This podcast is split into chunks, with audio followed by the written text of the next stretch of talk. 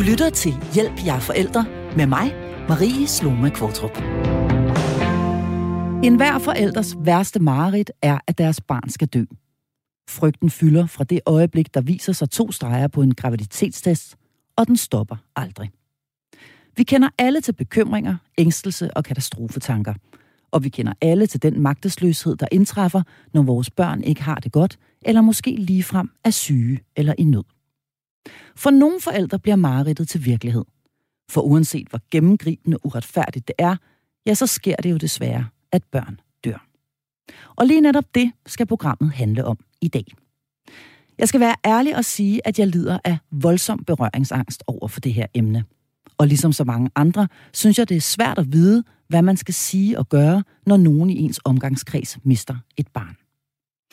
Dagens program er dedikeret til min kollega Sandy Vest, som mistede sin datter for et halvt år siden, og som siden da har lavet sine følgere på sociale medier komme helt tæt på, midt i hendes livs største sorg. Hendes ønske er at fjerne folks berøringsangst, for som hun siger, det gør så ondt på os, der har ondt i forvejen. For de to mænd, som sidder sammen med mig i studiet i dag, er døden og sorgen en del af deres arbejdsliv. Det er fast medlem af mit panel, børnelæge Morten Skrøder, og så er det en særlig input-gæst, nemlig hospitalspræst Christian Busch. Og du kan, ganske som du plejer, ringe eller skrive ind til os de næste 55 minutter. Nummeret har ind til er 72 30 2 gange 44 og på sms'en skriver du R4 og sender afsted til 1424. Velkommen til Hjælp, jeg er forældre. Og Morten Skrøder, vi starter over hos, øh, hos dig. Jeg vil gerne øh, starte med sådan helt åbent og spørge, hvor ofte sker det egentlig, at børn dør? Børn dør sjældent. Det er det vigtigste og første, man skal huske på. Mm. Det er sjældent, at børn dør, især i øh, Danmark, hvor vi bor. Øhm, I alt er der cirka 50-60.000, der dør om året i Danmark. Og heraf er 600 børn og unge, men op til 30 år. Grunden til, at jeg tager dem med op til 30 år her, det er, at de ligesom, øh, kan man sige, tæller i kategorien unge. Men hvis vi skal tænke sådan, det de fleste tænker som børn, mm. så var der sidste år i 2020, der var der 236 børn fra 0 til 10 år, der døde, og 86 børn fra 10 til 19 år. Så altså en 350 børn og unge, der dør om året, under 20 år. Mm.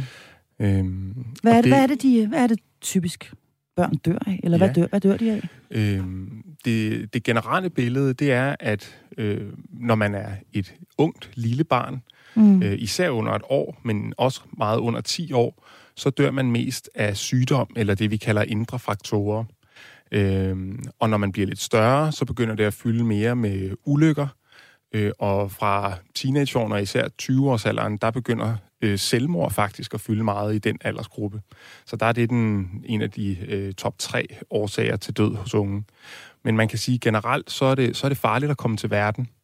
Mm. Øh, så rigtig mange af de her øh, børn, der dør fra 0 til 10 år, de dør i løbet af det første år, og rigtig mange i løbet af de første 28 dage. Så det der med, at det er farligt at komme til verden, det er, det, det er bare sådan, det er. Mm. Hvis vi skal kigge en lille smule tilbage, Marie, så er mm. det faktisk sådan, at øh, for omkring 100 år siden, der døde øh, 10 procent af alle børn inden for det første år i Danmark. Det er 10 procent? 10 procent, ikke? 100 børn ud af 1000, de døde inden for det første år. Mm. Nu er det sådan i Danmark, at spædbørnsdødeligheden, den er 4 ud af 1000 om året. Så det er jo blevet voldsomt reduceret, ikke? Så mm. af, af 1000 børn, der bliver født, der er der fire af dem, der dør inden for det første år. Mm. Og det skyldes vel både, at vi er blevet bedre til at screene og scanne og gøre ved, øh, men også at i er blevet dygtigere, altså øh, som, som, som læger? Ja, helt klart en, en samlet stor indsats, ikke? både mm. hvad angår hygiejne og færdigheder og øh, sikkerhed i, i samfundet generelt. Mm. Så, øh, så det, er, det er det, der fylder i landskabet. Mm. Øh, når man er lille igen, så er det mere, så er det meget det her med for eksempel medfødte misdannelser hos børnene, alle mulige steder i kroppen, øh, genetiske fejl, øh, og så er øh, kræft også en, øh, en, en årsag. Øh, og det er faktisk, øh, der, der er der også grund til at være meget optimistisk, fordi der er cirka 200 børn og unge om året, der får nydiagnostiseret kræftsygdom. Øh, og der er en, øh, en efterhånden en meget, meget flot overlevelse samlet over 70-80 procent. Mm. Så, så, så samlet, også der er vi blevet meget, meget dygtigere. Ja, ja og det, så det tæller ikke så meget. Men, øh, men mm. igen, Øh, det vigtigste er, at det er rigtig sjældent, at børn og unge dør i Danmark. Mm. Øh, og øh, har man klaret det forbi sit første år, så har man rigtig gode odds. Mm. Hvad med de børn, som, øh, som, som, som ikke når at, at leve, kan man sige, uden for, uden for maven? Altså de børn, som de dør... Ikke, de tæller ikke med her. De tæller ikke med Nej, i statistikken? døde fødsler tæller ikke med i den her statistik. Det er levende fødte børn, vi taler om. Mm. Så man kan sige, at der er selvfølgelig et ekstra antal øh, med de graviditeter, som aldrig bliver til levende børn. Mm. Og de kommer så oveni. Ja. Christian Busch, hvad, mm. kan, kan, kan man sige noget sådan overordnet om, hvad forskellen er på at miste et, øh, et barn, man har nået at kende, og et, øh, og et barn, som, som man ikke har nået at kende? Ja, altså det, det synes jeg faktisk godt, man kan sige. Altså hvis, hvis et barn har, har nået at, at leve i nogle år, og forældrene har en relation til det og kender barnet, mm. så er det noget andet end der omkring fødselstidspunktet, hvor, hvor jeg vil sige, der, der er det jo, det er jo en, en anderledes og lidt vanskeligere sorg på nogle måder, fordi den er mere uklar, for den, der handler, der handler det meste af sorgen om, at, at jeg har mistet et drømmebarn. Altså, mm. det er drømmen og der er jo vældig mange drømme og forventninger til et liv sammen med et barn, mm. øh, når man venter det. Det er vel der, hvor hvad skal vi sige, forventningen om, at mit barn skal få verdens bedste fortælling, den er jo allerstørst, mm. allerstærkest på det tidspunkt, hvor man venter et barn. Og så lige pludselig, ofte inden for meget kort tid, så får de at vide, at der er noget galt med barnet, eller, eller barnet dør simpelthen, øh, eller der, det er født med forfærdelig hjertefejl, og kan ikke hjælpes osv., ikke? kan ikke reparere, som man så må sige. Ikke? Og, så, mm. og så lige pludselig får de sorgens nødvendige fortælling. Og så, og så tænker jeg, det er jo, det er jo så det er jo, det er jo en sorg, som i denne her sammenhæng er så uklar, fordi det handler om drømme og forventninger. Mm. Øh, og det er ukonkret. Så jo bedre vi kan støtte dem til at, til at skabe en kærlighedens fortælling i forbindelse med, at, at de har fået en helt anden fortælling, jo bedre kan vi hjælpe dem. Mm. Når de kender barnet, så, er, så, så, så ved de jo, så er det en mere konkret sorg. Mm. De har masser af fortællinger sammen med barnet, og det er en anderledes slags sorg. Øh, jeg, vil, jeg, du kommer, jeg kommer aldrig til at sige, at den ene er nemmere eller lettere eller, eller tungere end den anden. Sorg er bare forskellig. Og vi er også forskellige i vores reaktioner på sorg. Der er en, der har mm. sagt, at sorg, sorg er ligesom et fingeraftryk. Det er lige så individuelt. Vi sørger på en måde, der passer til os. Mm. Og jeg er også meget optaget af, jeg ved ikke, om vi kommer til at tale mere om det, men jeg er meget optaget af, faktisk, når jeg har med et forældrepar at gøre, at det at få et barn er forskelligt for far og mor. Det at miste et barn, det er også ofte meget forskelligt for mm. far og mor. Mm. Vi reagerer simpelthen forskelligt, fordi relationen til vores barn er forskelligt, og vi er også forskellige som personer. Mm. Og, og, så der er mange faktorer, hvor man, hvor man skal huske, at vi skal passe på ikke at tale alt for konsekvent om, at sådan er det at miste. Mm. Øh, der er nogle ting, der er mere generelle og sådan, men vi er også meget forskellige. Vi reagerer også vidt forskelligt på de belastninger, vi oplever. Mm. Også det at miste et barn. Mm.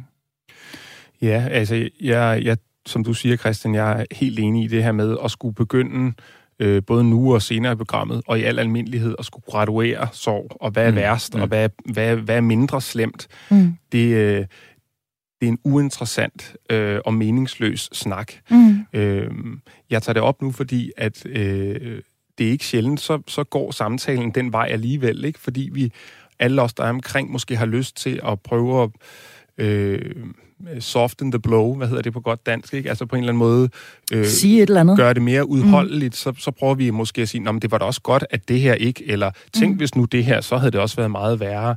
Øh, og det er, det er sjældent særlig sådan produktivt øh, for, for forældreparet. Så det med, om det er værre at miste en nyfødt, øh, som man ikke har kendt, eller en på 12 år, det, øh, det er enormt individuelt og forskelligt, når det er sagt. Mm.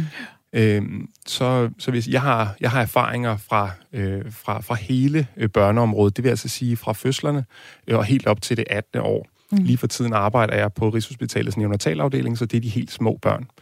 Øh, og jeg synes alligevel øh, gennem årene at, øh, at have en eller anden form for fornemmelse af, at, øh, at når det er nyfødte børn, så er der øh, måske hos de enkelte forældre, og også lidt generelt i samfundet, en, be, en bevidsthed om, det er farligt at blive født. En mm. graviditet kan gå galt.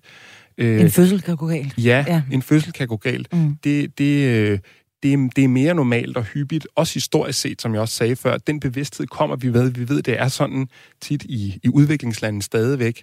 Så måske er der en eller anden form for, øh, jeg, vil ikke, jeg vil ikke kalde det accept, men forståelse for omstændighederne omkring det. Øh, og så noget, der også øh, har en påvirkning, det kommer vi måske også tilbage til, det handler også meget om, der er andre børn i familien. Det, mm. det påvirker også meget, mm. hvordan øh, det her forældrepar øh, måske kan, øh, kan komme videre og trække sig selv op, eller hvor, hvor meningsløst det hele ser ud på mm. en eller anden måde. Altså ganske enkelt fordi, at der så er nogle andre, man er nødt til at leve videre for. Er det det, det drejer sig om, Christian Busch? Ja, altså på sin vis, altså, eller der bliver hele tiden, man bliver hele tiden kaldt ud af sin sorg, kan man sige, ja. og der, man får nogle konkrete opgaver, hvis der er andre børn i familien, og, ja. og altså, og, og i generelt set, så vil jeg sige, at det, det er også fint. Øh, altså, jeg synes, mange forældre klarer den sorg, det er at miste et barn godt, mm. og, og øh, øh på en måde, der passer til dem.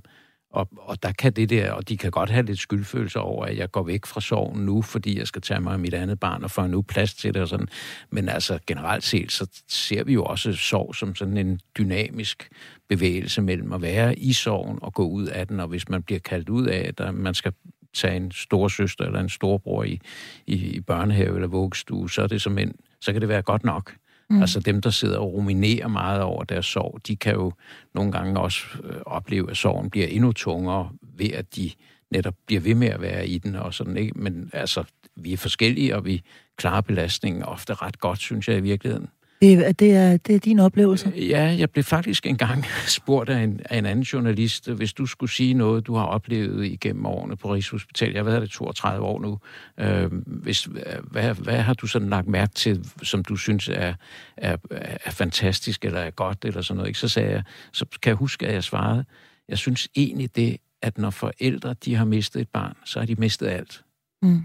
Og, så, og så det der med at lære nogen at kende igennem år, og følge dem, og så se, at de kan blive mennesker igen. Mm. Altså når man mister, jeg, jeg siger nogle gange det, at, at miste et barn, der mister man også sig selv som forældre, fordi barnet er alt.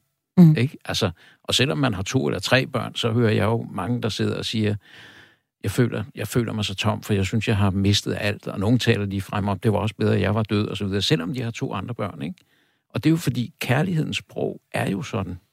Altså, man har jo 100 procent kærlighed til alle sine børn. Ikke? Mm. Og har man tre, så har man altså tre gange 100 procent. Mister man et, mm. så mister man ikke en tredjedel. Mm. Jeg har så seks. mister man alt. Og jeg, kan, seks, jeg har seks, og jeg, kan ikke, jeg kan da slet ikke overskue at skulle nej, øh, leve uden nogen af dem. Nej, vel, og det er jo fordi, så har du seks gange 100 procent. Og mm. mister, skulle man gå hen og miste et barn, så mister man jo alt.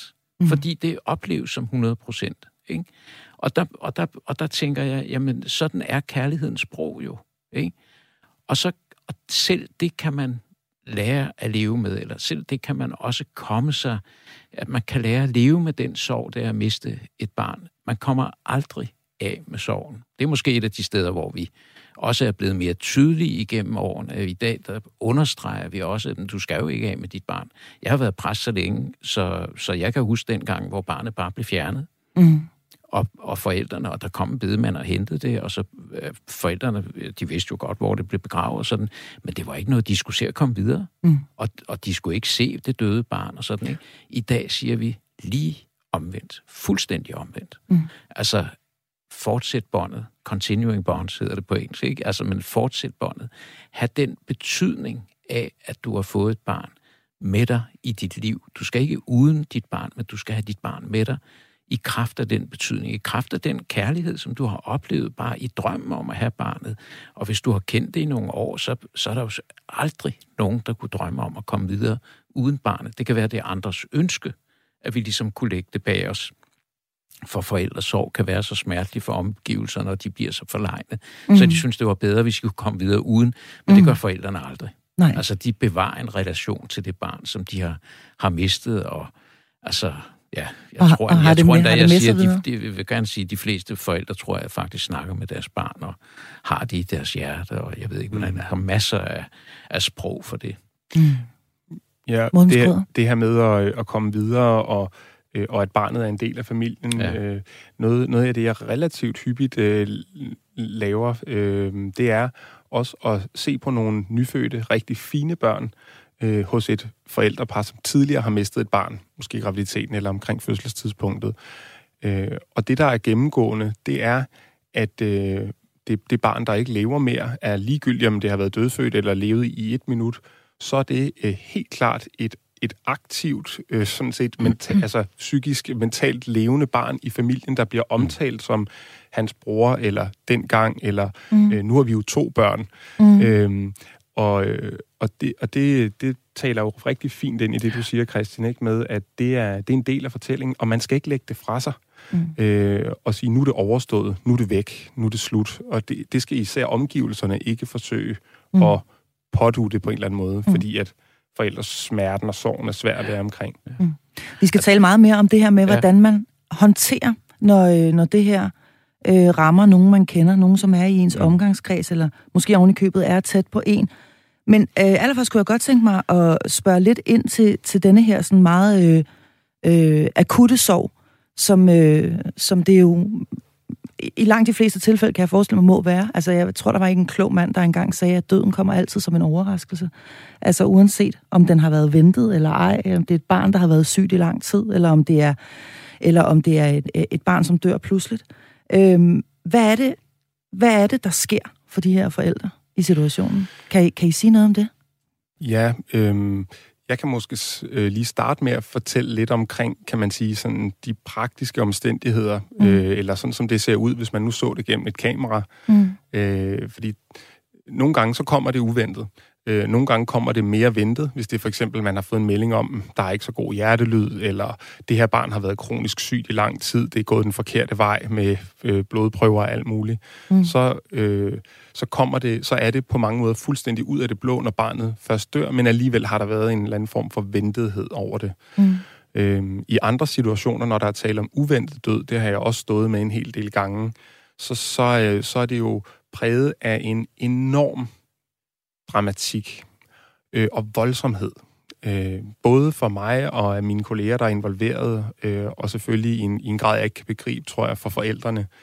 Øh, ulykker med øh, drukning, eller fald, eller øh, selv, selvmord, øh, som kommer ud af det blå. Det starter øh, jo i nogle forsøg på at få barnet tilbage til livet. Mm. Hvor der bliver trykket på en eller anden knap, eller ringet 112, af ambulancetjenester kommer ud, Øh, der er næsten, man fortsætter næsten altid for fuld skrue behandling, mm. indtil man kommer ind på hospitalet, hvor øh, et, et meget, meget stort hold tager imod. Der er et, måske et sted mellem 10 og 30 mennesker, som står klar, altså eksperter, til at prøve at redde det her barn. Et sted mellem 10 og 30 mennesker? Ja, det er ikke, det er det er ikke ualmindeligt. Ja, det er rigtig mange. Der er øh, adskillige speciallæger fra forskellige øh, områder, der kan forskellige ting. Sygeplejersker, øh, røntgenfolk og blodprøve. Altså, der er, der er simpelthen alle portører til stede.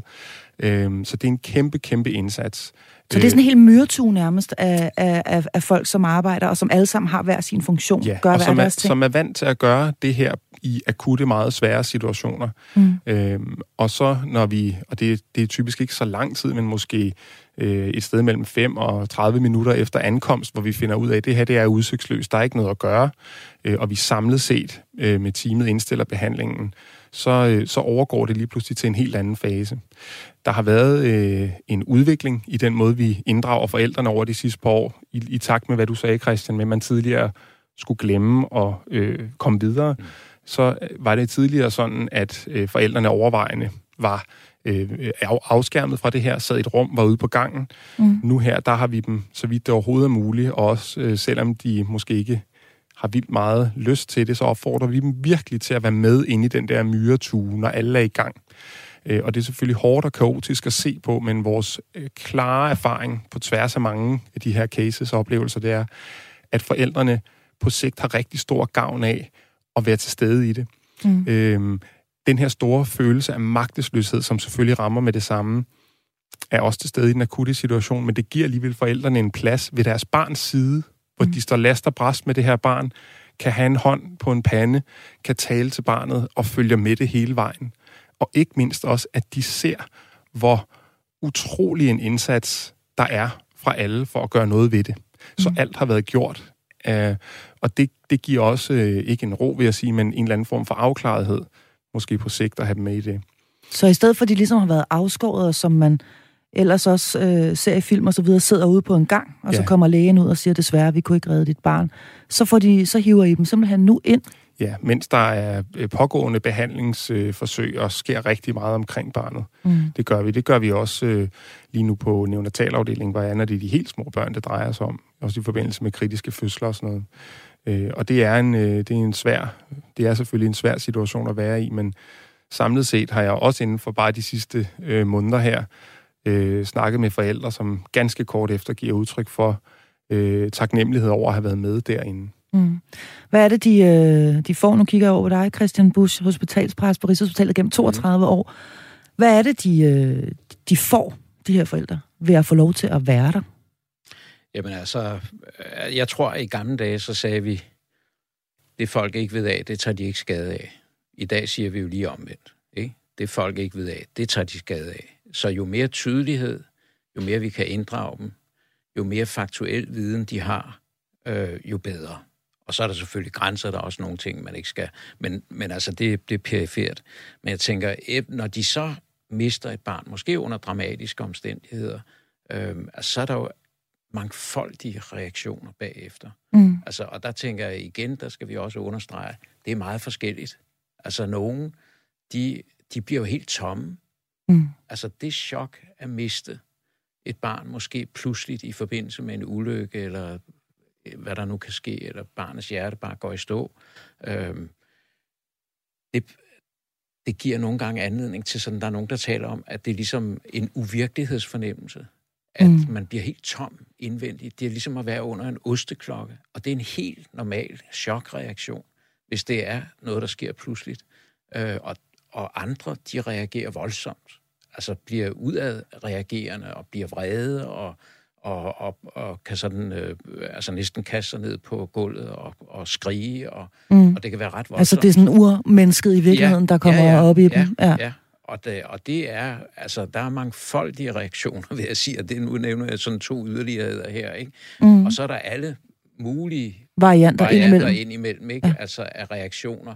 Og man må sige, i den akutte fase, som du spurgte til, ikke? Mm. altså der er mange forskellige reaktioner, og der, og der og jeg tænker engang imellem, det er jo ikke i sådan en situation, timer efter, at der er sket et eller andet mm. øh, øh, voldsomt, hvor et barn dør, der, der, der er det ofte ikke den konkrete snak, øh, der er det ikke den konkrete samtale, der skal til øh, om et eller andet eksistentielt tema. Øh, altså, der er nogle gange, der handler det om, at vi som hjælpere, så skal vi bare være der. Mm. Mm. Og der vil jeg sige, at nogle gange så... Du lytter til Hjælp, jeg er forældre. Ja, undskyld, jeg lige fik afbrudt dig der, Christian Busch. Vi har måske det øh, tungeste emne nogensinde på øh, programmet her i dag, og jeg har altså besøg af fast medlem af mit panel, børnelæge Morten Skrøder, og så hospitalspræst Christian Busch. Øh, vi taler om, når børn dør, og om, hvad det er for en fuldstændig ubeskrivelig sorg, som forældrene kastes ud i.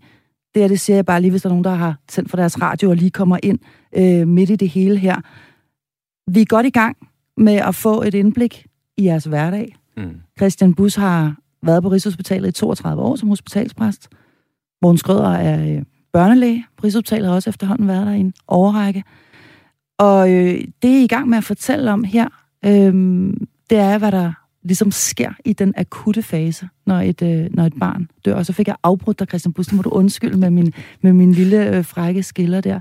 Men bliver du nogensinde øh, hidkaldt. Nu beskriver Morten øh, før meget øh, levende, hvordan, øh, hvordan alle bliver kaldt til. Og, øh, og der kan være op til 30 mennesker, fagpersoner, øh, som kan alt muligt forskelligt, som kommer ilende. Alle går jeg ud fra at smider, hvad de er i gang med et andet sted på hospitalet, og, og iler til traumacenteret eksempelvis, hvis der taler om en ulykke, ikke? Eller hvad, Morten? Jo, men jeg vil øh. bare sige som oplæg til Christian, mm. øh, det, en af de første, jeg har brug for at ringe til, mm. og har ringet til, det er Christian. Er det det? Ja. Øh, så øh, i den situation, hvor vi siger, nu er der ikke, nu er der ikke mere, vi kan gøre, vi indstiller behandlingen, så, øh, så det, det første, jeg har i hovedet, det er, at nu er det en helt anden form for hjælp og støtte, vi skal have omkring familien. Og der, øh, der, er, det altså, øh, der er det altså Christian og hans kollega, præsterne, øh, som er nogle af de første, jeg har taget fat i. Mm. Også herinde. Vi har, vi har haft nogle forløb her over det sidste års tid. Så når du står dernede, og, og, og det ligesom er overstået, kan man sige, og panikken vil lægge sig, folk vil også gå ud fra, gå tilbage til det, de ellers var i gang med før, og ligesom fordufter fra stedet. Mm. Hvad, så, så, så kan det være, at du bliver, bliver kaldt over, Christian? Ja, det, det, det sker, øh, og, og selvfølgelig øh, altid, hvis forældrene ønsker det, øh, og hvis de ikke ønsker det, så, så øh, finder de andre veje. Men, øh, men altså, jeg tænker, der er også et kolossalt skifte i sproget, om man mm. så må sige. Ikke? Altså, Morten og hans kollega, de står og prøver at løse et problem. Mm. Og lige pludselig så går det fra, at det var et problem, til at lige pludselig så har vi fået et, en kæmpe sorg, et vilkår, en byrde, og det er simpelthen et andet sprog. Mm. Altså, det, kan, øh, det, det har du observeret, ja, når du, øh, når jamen, du øh, jo, jo, men er til altså, stede? alt hvad der, hvad skal vi sige, altså døden er, det problematiske ved, ved nogle problemer er, at de er ikke problemer. Altså døden er ikke et problem, døden er et vilkår. Og det er noget, vi skal forholde os fuldstændig anderledes til, end at se det som noget, vi skal fikse, håndtere, øh, takle. Vi skal bære. Lige pludselig så skifter vi faktisk regi og skal bære noget, der er uendeligt tungt. Det at miste et barn, det er verdens største byrde. Det har det til alle tider været, selvom du siger, at i gamle dage, så var det mere hyppigt, men bare tænk på hos Andersens historie om min mor. Mm. Jo en hjertegribende. Altså, jeg får øh, gåse ud over hele kroppen, når jeg hører den, eller når jeg læser den, fordi det er jo en mors tab af et barn, der bliver mm. beskrevet, og til alle tider har det at miste et barn har været verdens største sorg, tror mm. jeg, man kan sige. Ikke? Og, der, og der tænker jeg, der skifter vi sproget fra hvad skal vi sige, handlingens øh, sprog til byrdens sprog. Mm. Og der tænker jeg, et, altså døden er underlig, øh, fordi døden unddrager sig, for, at vi kan ikke snakke med den. Døden er det, jeg kalder for en andenhånds ikke-erfaring. vi kan ikke erfare døden, og vi kan mm. kun erfare den på anden hånd. Og, og lige pludselig, så, og det er jo derfor, at døden kan vi ikke have erfaringer med som sådan. Og så, og så bruger vi faktisk indirekte taler, jeg vil sige ritualer, myter, alle religioner handler om, hvor kommer døden fra, hvad skal den, og hvordan, hvad, hvad sker der efter den, og sådan, ikke? Altså, hvad der på den anden side af den, det er at finde et sprog, når vi møder en grænse i vores liv. Og der kan man sige, altså, noget af det, som jeg har med mig, kan man sige, i de situationer, det kan nogle gange være et ritual. Og jeg tænker, mm. ritualer, der er ikke så mange, der tænker på det, tror jeg, men ritualer, nogle gange, så står de bro over kriser. Hvad mener du med det? Jamen, det er faktisk, altså, jeg mener, hvis vi tænker på neonatalafdelingen, altså det der kaos, der er, når man får et barn, der måske er født alt for tidligt, eller, eller, eller født med et handicap, eller hvad det nu kan være, så, det, så nogle gange, så kommer jeg op og laver en dåb, mm. eller foretager en dåb af barnet. Det får et navn, og der bliver sagt noget i den sammenhæng om, at, at det er sat ind i en stor kontekst. Nu bliver det et Guds barn. Udover det får et fornavn og et efternavn, så får det også at vide, at det er et Guds barn. Mm. Der bliver skabt en ny fortælling om det barn. Både på det individuelle, det der er knyttet til fornavnet, på det individuelle plan, og på efternavnet, ikke? det der, hvor den større fortælling, der også rummer forældrene og bedsteforældrenes fortælling, som tit også er der. Ikke? Og så siger jeg også, at det her barn, det bliver et Guds barn. Og jeg mener egentlig, at jeg får skabt, en, altså ved hjælp af en dåb, så lige pludselig, nogle gange, så kan man høre, hvordan forældrene, de sukker, når dåben er færdig. Så er der ligesom, og nogen siger, det er ligesom om, der kom orden på noget. Ikke? Mm. Altså, og sådan et ritual, det kan godt være, at man ikke forstår ordene, eller sådan eller hvad det, men, men ritualer bruger vi faktisk nogle gange i vores liv til at skabe orden i kaos mm. så er der noget, der er styr på. Og det synes jeg, det, det er det indtryk, jeg har med mange af de der. Det kan være, at vi ikke kan døbe det, hvis barnet er dødt, og så den ikke og pludselig kommer man, ind. Man, man, kan, ikke døbe, vi, man kan ikke døbe et dødt barn? Nej, det gør vi ikke. Det gør altså, vi har, så har vi så mange andre glimrende ritualer at bruge barnets navn og så videre. Ikke? Men, men altså for eksempel, hvis det er et barn, som måske er døbt for år siden, og så kommer det ind i traumacenteret og dør kort efter, der kan vi så holde en, en lille en lille andagt, hvor, jeg, hvor vi siger et fader, hvor lyser velsignelsen. Bare det at lægge hånd på hovedet af et dødt barn, og lyse velsignelsen og sige, det her det er et Guds barn. Altså det ritual betyder en del, og er med til at skabe lidt ro i nogle af de rum. Og nogle gange så har forældrene ikke lyst til sådan et ritual, så er vi der bare. Mm. Men så at sige skifter sproget fra, at vi er i gang med at løse et problem og arbejder intens på det, til at nu skal vi bære noget tungt, og så må vi skabe den sorgens fortælling, som forældrene har fået, mm. som en kærlighedsfortælling. Altså stadigvæk at tage sig af barnet, og altså de allerfleste, der oplever at miste et barn, de, øh, de gør noget konkret med deres barn, fordi det er jo de, de forældre, de ønsker at have omsorg, også for det døde barn, for det er stadigvæk deres barn. Hvad kunne det være for eksempel? Nu, jamen, du det siger, være, noget jamen, konkret. det kan være, jamen altså, vi har været ude for nogle situationer, hvor forældrene selv har bygget, eller med, ved hjælp af nogle venner, inddrager nogle venner, og så bygger de en kiste, som mm. de, øh, som, eller, eller det at, at, at hente kisten over i, på Rigshospitalets kapel, så har været ude for nogen, som har båret den over til kirkegården, assistenskirkegård, Holmens kirkegård, hvor det nu kan være, at de vil have begravet deres barn. Jeg tror, at den der spacertur, den lille gåtur på mm. 20 minutter, at den skaber en fantastisk indre fortælling om, hvor meget omsorg og hvor meget kærlighed de har haft for deres barn, også selvom det er dødt. Mm. At de konkrete øh, skaber nogle ting omkring barnet. De har jo haft så mange forventninger om at have omsorg, gøre noget for deres barn, ikke? Altså, mm. om så det er, at de under graviditeten har set sig selv løbe rundt på legepladserne, hvad, hvilken legeplads kan jeg bruge, hvornår i mit barns udvikling. De har set sig selv gå med barnevognen nede på Østerbrogade på, mm. i, mm. i, øh, på, på hovedgaden der, hvor det er. Ikke? De har set alle mulige alle situationer de for sig. Billeder, ja. Og så de pludselig så skal de skabe en helt anden fortælling. Så siger jeg, det vigtige det er, at vi får skabt den anderledes fortælling som en kærlighedsfortælling. Og der, der er altså meget, hvis jeg har mulighed for det og får lov til at snakke med dem, så opfordrer jeg dem faktisk til at gøre mange af de praktiske ting, når barnet er, mm. er død selv.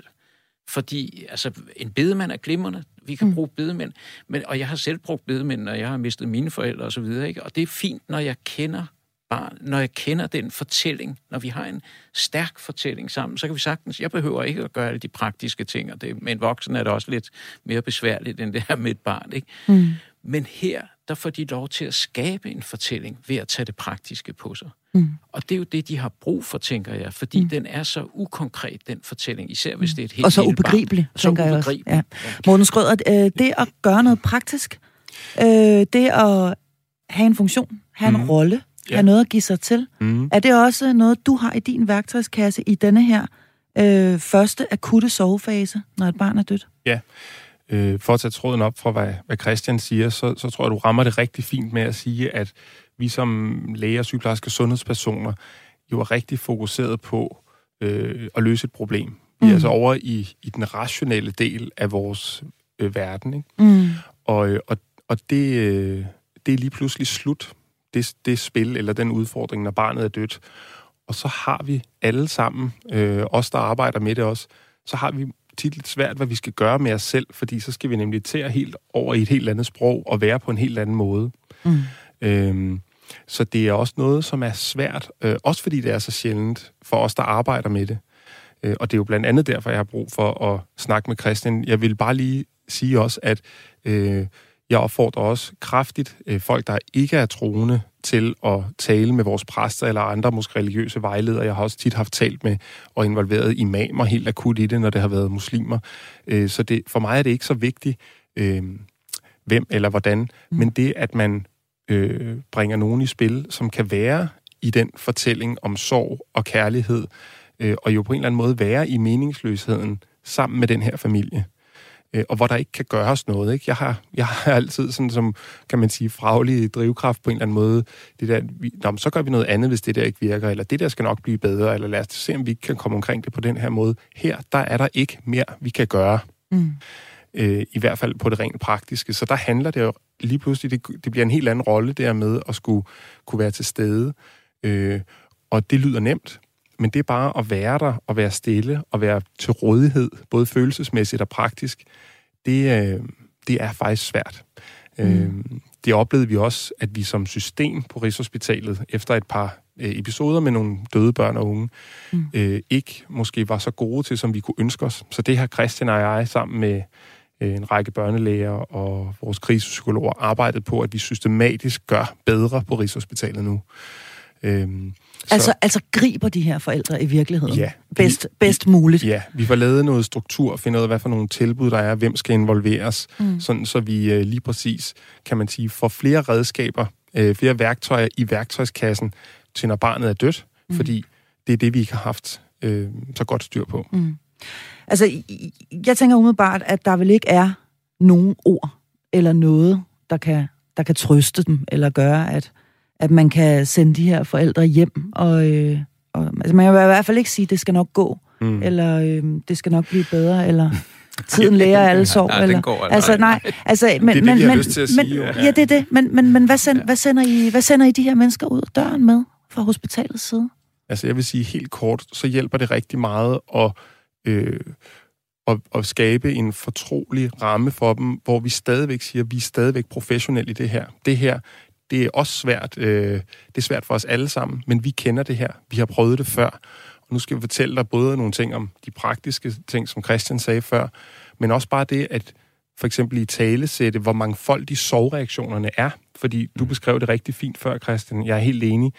Øh, men det, der også er vigtigt at, at i hvert fald fremhæve, det er, at den der sådan pendulerende, svingende øh, øh, udtryksform, det kan have, det kan jo skifte inden for sekunder, mm. også hos den enkelte.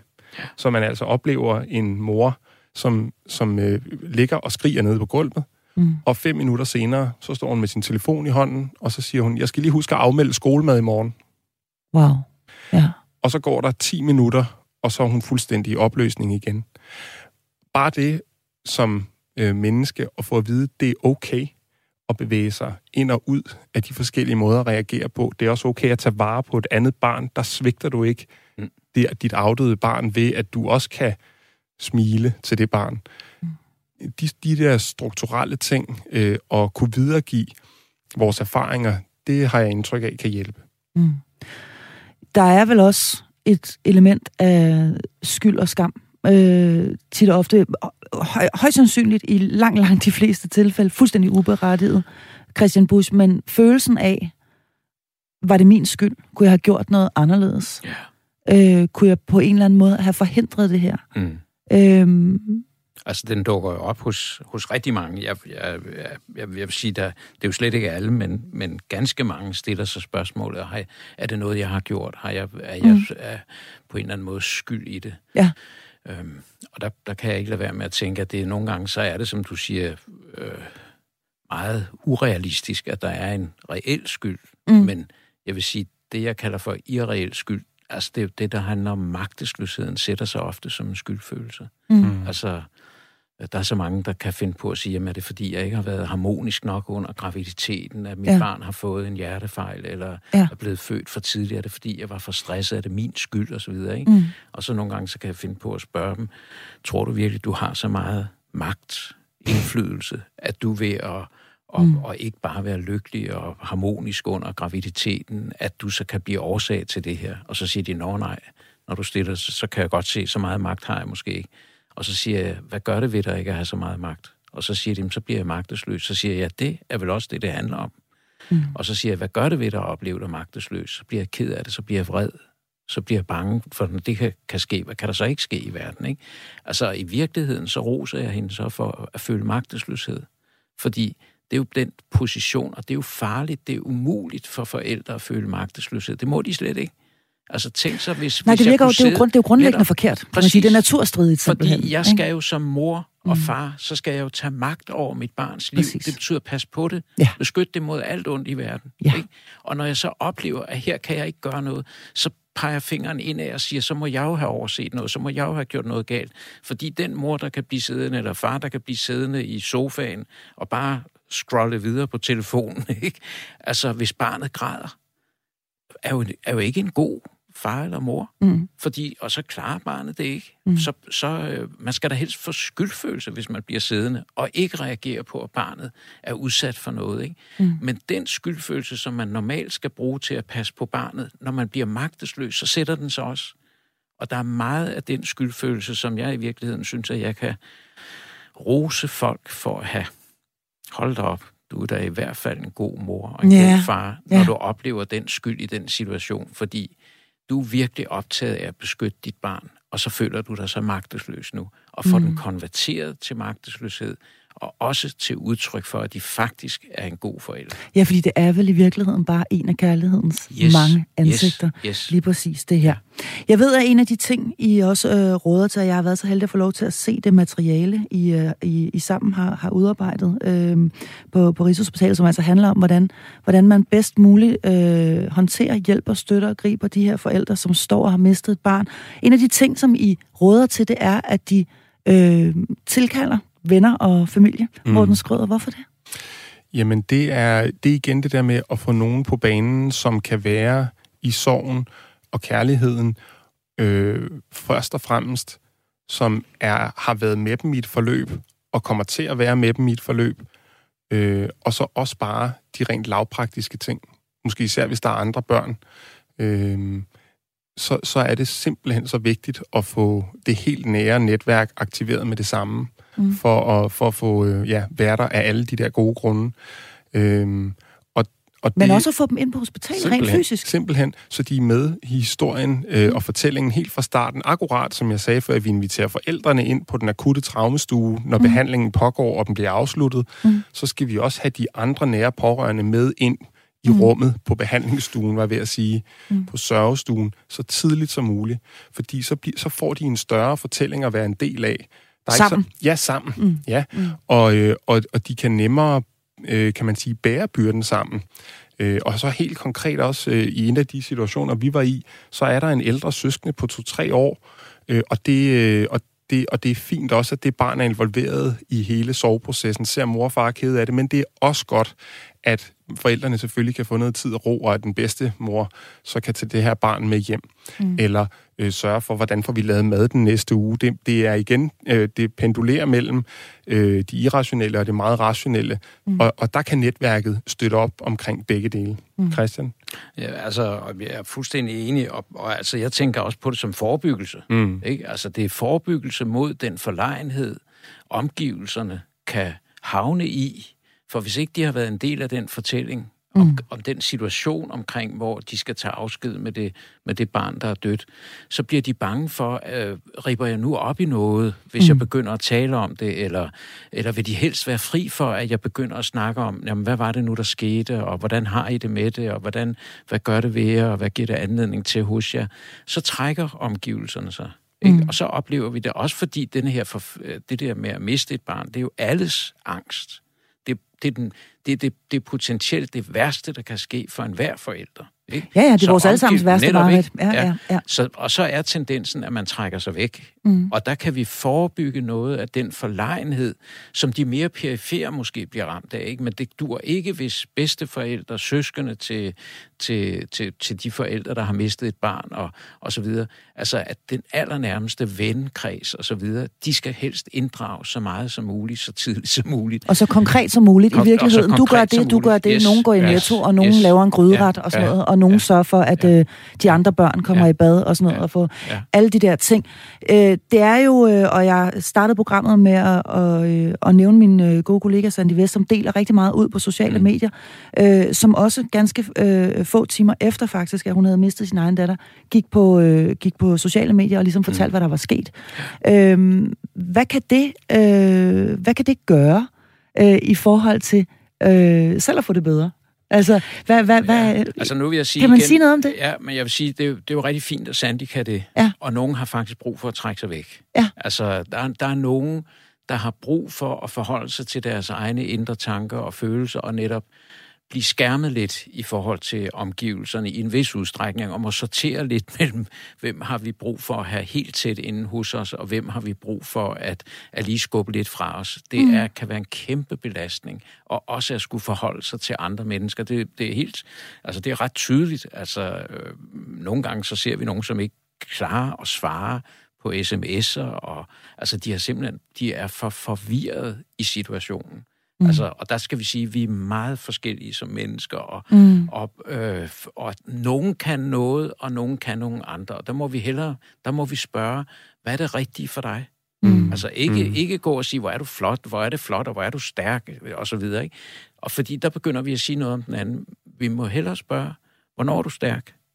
Øh, Hvad, hvad, hvad er for dig udtryk for styrke i den her situation? Ikke?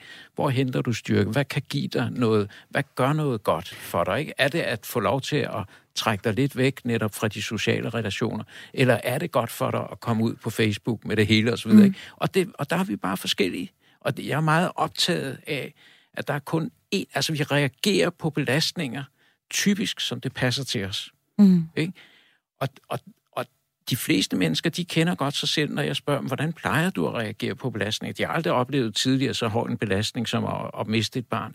Men så siger de, jeg ved jo godt, at jeg er den, der plejer at trække mig lidt. Jeg har brug for at være lidt alene. Mm. Eller andre, der siger, at jeg har jo brug for netop i den situation mm. at være omgivet af andre, og mm. min, min trøst og styrke er det, ikke? Mm. Men det, jeg egentlig vil, vil ja. sige med det, det var mm. det her med, at det skal jo kommunikeres ud på, på en eller anden måde. Altså yes. på, på et eller andet yes. tidspunkt, så skal det jo ligesom yes. kommunikeres yes. ud, yes. At, øh, at, at, at der ja. er et, et barn, der, ja. der, der, der ikke er længere. Ja. Øh, og det, som jeg godt kunne tænke mig at, at, at, at tale om her de sidste 10 minutter af programmet, det er, hvordan vi som øh, omgivelser, mm. hvad enten vi er perifære ved enten vi er øh, tæt på, altså, men hvordan vi bedst støtter, hjælper, øh, øh, griber og møder bare møder de her mennesker, som, øh, som har mistet et, et barn. Fordi som du siger, Christian Bus, det, det er jo, det taler jo direkte ind i vores ja. egen angst. Ja. Og, og det er ikke så underligt, at vi tænker, puha, øh, jeg går lige over på, der kommer hende der, der har mistet et barn. Jeg går lige over på den anden side mm. af gaden. Ja. Øh, også fordi man jo bliver bange for gøre ondt værre. Altså, man bliver ja. bange for ja. at sige, øh, Nå, hej øh, Lise, ja. øh, det, var da, det, var da noget, det, var da noget, det var da noget værre noget, ja. eller øh, det er jeg frygtelig ked af. Hvad er rigtigt og forkert ja. at sige? Ja. Og der er jo, der er jo mange, der, der er jo mange, der har mistet, som, som, som siger, du kan jo ikke gøre mig mere ked af det, mm. end det, at jeg er ked af, at jeg har mistet mit barn. Det værste, det er, at folk de trækker sig øh, og netop går over på den anden side af gaden. Ikke? Og der vil jeg sige, hvis ikke du ved, hvad du skal sige, mm så er det det, du skal sige. Okay. Ikke? Altså, så gå hen og sig, hvor vil jeg ønske, at jeg kunne finde noget at sige. Jeg kan forstå, at du har mistet dit barn og har hørt, og det gør mig forfærdeligt ondt. Men gå over og sig, du ikke ved, hvad du skal sige. Det mm. der med at trække dig og gemme dig og gå, dukke ned bag øh, øh, regionen i, i, i Netto og så videre, ikke? eller mm. gå over på den anden side af gaden, det er i hvert fald krænkende. Hvis man ellers plejer at kunne møde hinanden, så er det krænkende for den, der har mistet. Mm. Og der vil jeg sige, der må vi hellere vedgå og, og de fleste, de siger netop det der, du kan ikke gøre mig mere ked af det, så kom hellere og sig det. Ikke? Mm. Altså, men lad være med at prøv at lade være med at minimere den andens. Lad være med at sige, hvor var det godt, du ikke nåede at få dit barn med hjem. Eller, og det er ofte nogle tosserier, for de fleste forældre, de vil gerne have deres barn med hjem. Eller sådan bare, bare en, en dag at få barnet med hjem i den vugge, de har købt og så videre. Ikke?